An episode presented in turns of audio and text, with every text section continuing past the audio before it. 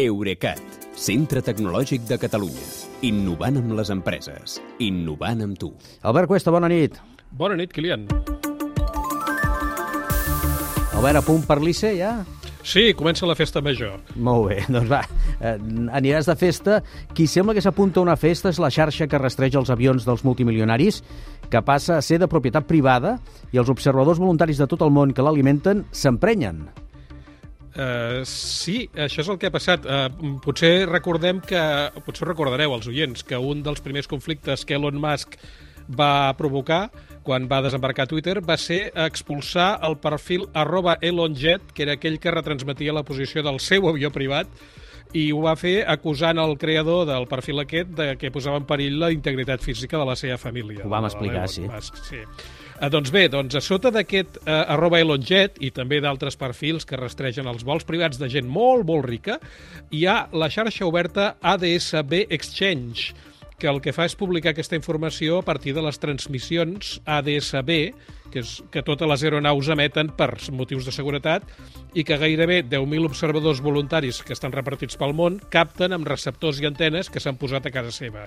Aquesta xarxa de col·laboradors, eh, penseu que aporta dades a la xarxa a, a un ritme de 750.000 lectures per segon. déu nhi déu nhi sí, sí. Doncs fins ara aquest ADCB Exchange funcionava en règim obert des de que va ser creada ara fa 10 anys.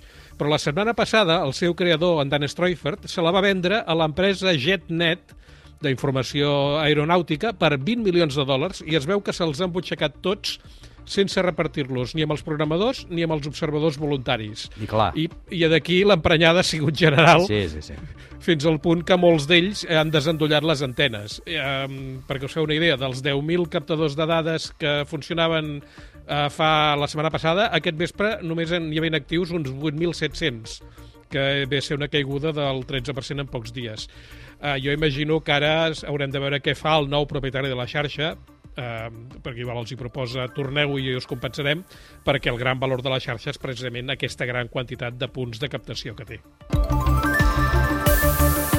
I com és que el creador de la xarxa se l'ha venuda? És només per cobdícia? Home, aquests... Eh aquests 20 milions de dòlars són 20 milions de dòlars. Sí, sí, jo, jo ara, no els, ara, ara mateix no els porto a sobre, diguéssim. Yeah. Potser una mica d'això, de ganes de fer, de fer caixa, però també es pot ser que senzillament hagi aprofitat l'ocasió de desfer-se de la xarxa abans de patir conseqüències legals, perquè Elon Musk va amenaçar amb demandar no només ElonJet, sinó també la mateixa xarxa ADSB Exchange i sabent que fins ara no era pas un negoci i que fins i tot funcionava bàsicament amb donacions, és probable que el tal Seifert no tingui capacitat per afrontar un litigi llarg i costós. Uh, amb el país dels advocats. Oh, esclar, en un país com aquell encara més difícil. Hi ha més xarxes i aplicacions no, que rastregen avions.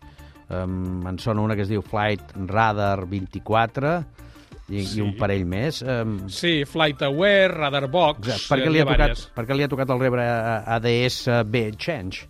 Doncs perquè és l'única que ha promès no censurar les rutes dels avions de multimilionaris, polítics, militars i cossos de seguretat, que són eh, rutes que normalment no trobaràs amb aquestes altres aplicacions que deies.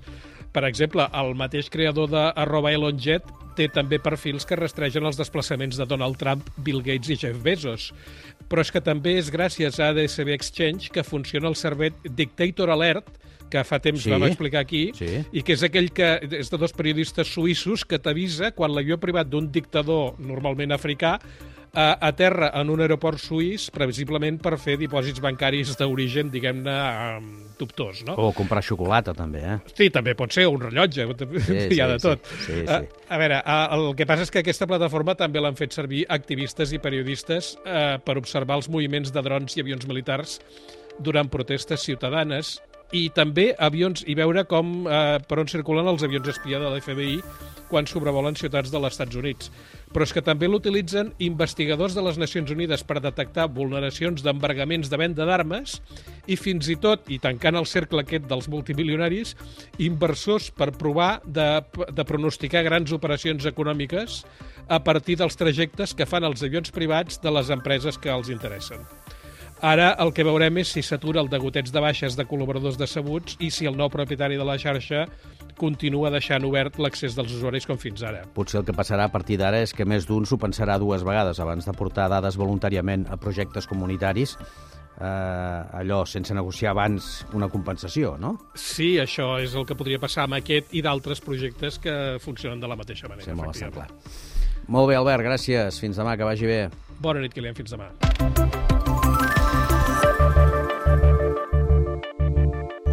Eurecat, centre tecnològic de Catalunya. Innovant amb les empreses. Innovant amb tu.